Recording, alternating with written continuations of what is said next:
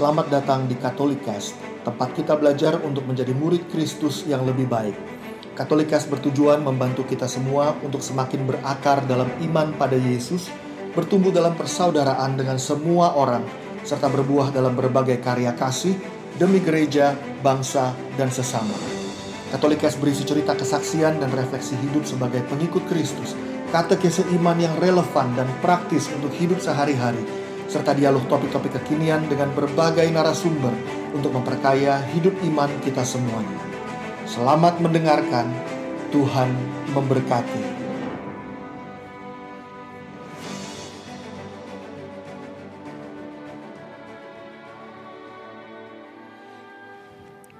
Kita jumpa lagi di dalam refleksi bacaan hari Minggu. Kali ini kita akan sama-sama membaca dari bacaan liturgi Minggu 14 Maret 2021. Bacaan pertama diambil dari 2 Tawarikh 36 ayat 14 sampai 16 lalu ayat 19 sampai 23. Ketika Israel diperintah oleh Raja Zedekia, semua pemimpin di antara para imam dan rakyat berkali-kali berubah setia dengan mengikuti segala kekejian bangsa-bangsa lain rumah yang dikuduskan Tuhan di Yerusalem itu mereka najiskan. Namun Tuhan Allah nenek moyang mereka berulang-ulang mengirim pesan melalui utusan-utusannya karena Tuhan sayang kepada umatnya dan kepada tempat kediamannya. Tetapi mereka mengolok-olok para utusan Allah itu, menghina segala firman Allah dan mengejek nabi-nabinya. Oleh sebab itu murka Tuhan bangkit terhadap umatnya sehingga tidak mungkin lagi pemulihan.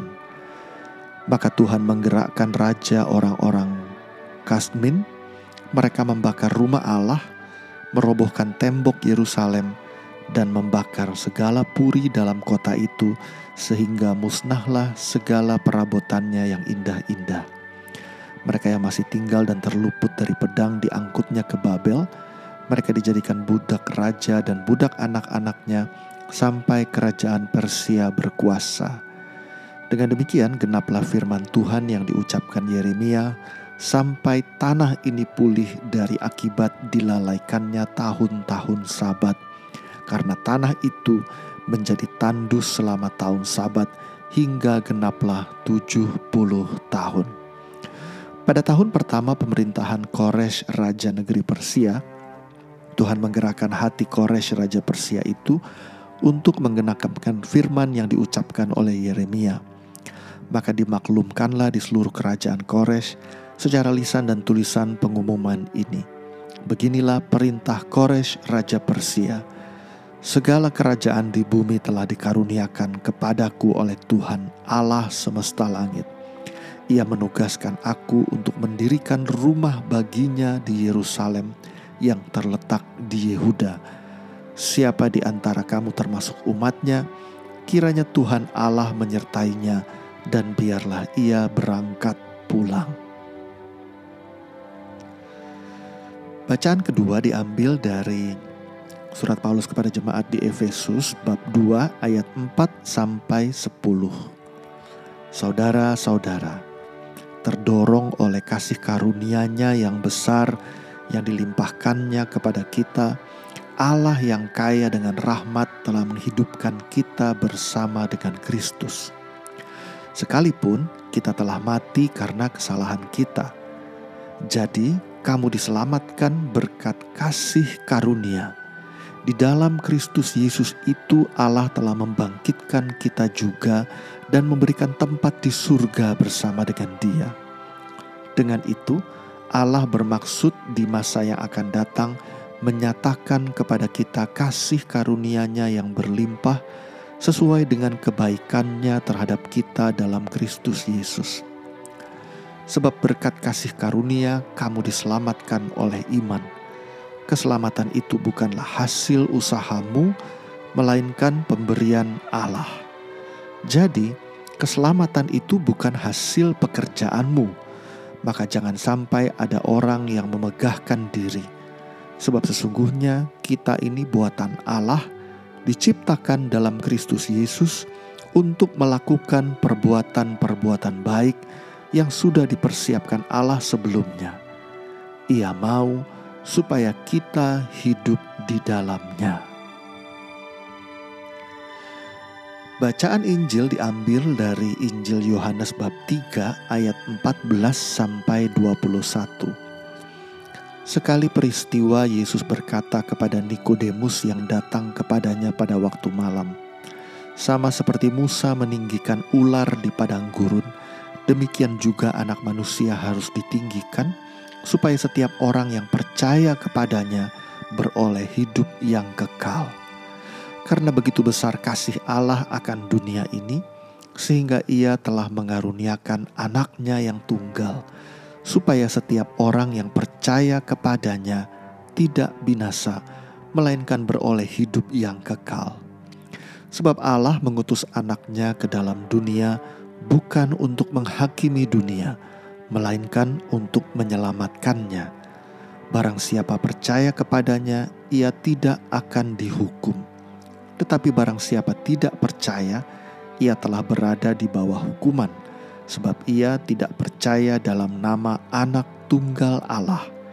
Dan inilah hukuman itu: terang telah datang ke dalam dunia, tetapi manusia lebih menyukai kegelapan daripada terang, sebab perbuatan-perbuatan mereka jahat.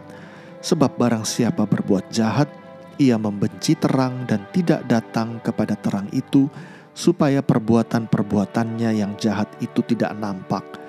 Tetapi barang siapa melakukan yang benar, ia datang kepada terang supaya menjadi nyata bahwa perbuatan-perbuatannya dilakukan dalam Allah. Bacaan hari ini adalah pesan yang sangat penting karena menyangkut masa kekekalan kita. Bayangkan, kita semua ini diciptakan Tuhan sebagai makhluk yang kekal. Pertanyaannya, di mana kita akan menghabiskan masa kekekalan kita? Di surga karena diselamatkan, atau di neraka karena tidak mendapatkan keselamatan itu? Hari ini, bacaan-bacaannya mengajak kita untuk memilih hidup yang diselamatkan. Nah, hidup yang diselamatkan itu seperti apa? Allah itu pada dasarnya mengasihi kita. Orang sering kali mengatakan bahwa di perjanjian lama itu Allahnya itu nggak menunjukkan kasih. Padahal kalau kita lihat di bacaan pertama hari ini, Allah kita itu Allah yang penuh kasih. Kalau Allah itu menghukum, itu karena umatnya itu sudah sangat-sangat keterlaluan. Bacaan hari ini dibuka dengan kalimat, Ketika Israel diperintah oleh Raja Zedekia, semua pemimpin di antara para imam dan rakyat berkali-kali berubah setia dengan mengikuti segala kekejian bangsa-bangsa lain. Rumah yang dikuduskan Tuhan di Yerusalem itu mereka najiskan. Namun Tuhan berulang-ulang mengirim pesan melalui utusan utas utusannya karena Tuhan sayang pada umatnya. Lalu ayat berikutnya bilang, tetapi mereka mengolok-olok utusan Allah, menghina firman Allah dan mengejek nabi-nabinya. Maka kita lihat bahwa Allah itu sebetulnya mau mengasihi. Bahwa kemudian karena umatnya berontak terus, maka diganjar sama Tuhan supaya bertobat tujuannya. Tapi kita lihat bahwa umat Allah terus-menerus gak mau bertobat. Maka Allah yang begitu penuh dengan kasih kita lihat pada bacaan Injil mau menyelamatkan kita dengan cara apa? Dengan cara mengutus putranya sendiri. Yesus bilang seperti Musa meninggikan ular di padang gurun, demikian juga anak manusia ditinggikan supaya setiap orang yang berbuat baik beroleh hidup yang kekal. Eh, salah. Bukan orang yang berbuat baik yang beroleh hidup kekal, Yesus bilang. Tetapi supaya setiap orang yang percaya kepadanya. Yang percaya kepada siapa? Yang percaya kepada anak manusia. Siapa anak manusia itu? Yesus. Maka pertama-tama janji hidup yang kekal itu diberikan kepada orang yang percaya kepada anak manusia. Yang percaya bahwa Yesus itu adalah anak Allah yang diutus menjadi manusia dan mati tergantung di kayu salib untuk menebus dosa-dosa kita. Maka seperti uh, orang bangsa Israel yang melihat ular di padang gurun lalu disembuhkan dari penyakitnya, begitu juga waktu kita melihat ular itu kan lambang dosa ya. Waktu Yesus tergantung di kayu salib itu dia menanggung dosa-dosa seluruh umat manusia sampai wafat di kayu salib. Maka dengan memandang Yesus dan percaya kepadanya, kita beroleh hidup yang kekal. Maka pada bacaan kedua berkali-kali Paulus mengatakan kita diselamatkan oleh kasih karunia. Pertama-tama bukan karena perbuatan, karena kematian Yesus itu yang mengundang kita untuk berelasi dengan Yesus dan di dalam relasi percaya itu kita diselamatkan. Nah, relasi percaya diwujudkan dengan perbuatan baik. Tetapi jangan salah ya, bukan hanya perbuatan baik. Perbuatan baik saja tidak menyelamatkan kita, tetapi relasi percaya pada Yesus yang diwujudkan lewat perbuatan baik. Kalau tidak, kita bisa binasa loh. Maka hati-hati, mungkin kita Katolik, tetapi belum tentu kita diselamatkan. Karena keselamatan itu mengandung dua unsur, yaitu relasi percaya dengan Yesus, lalu relasi percaya dengan Yesus itu diwujudkan lewat perbuatan baik. Mari teman-teman, di Prapaskah ini kita sungguh percaya dan kita sungguh berbuat baik penuh kasih bagi sesama. Terima kasih telah mendengarkan podcast ini. Jangan lupa untuk berbagi Katolikes kepada para sahabat dan kenalan kita, supaya semakin banyak orang mengenal kabar gembira Tuhan Yesus dan mengalami kasihnya yang memulihkan, menguatkan, dan memberkati. Sampai jumpa di episode Katolikes yang lain.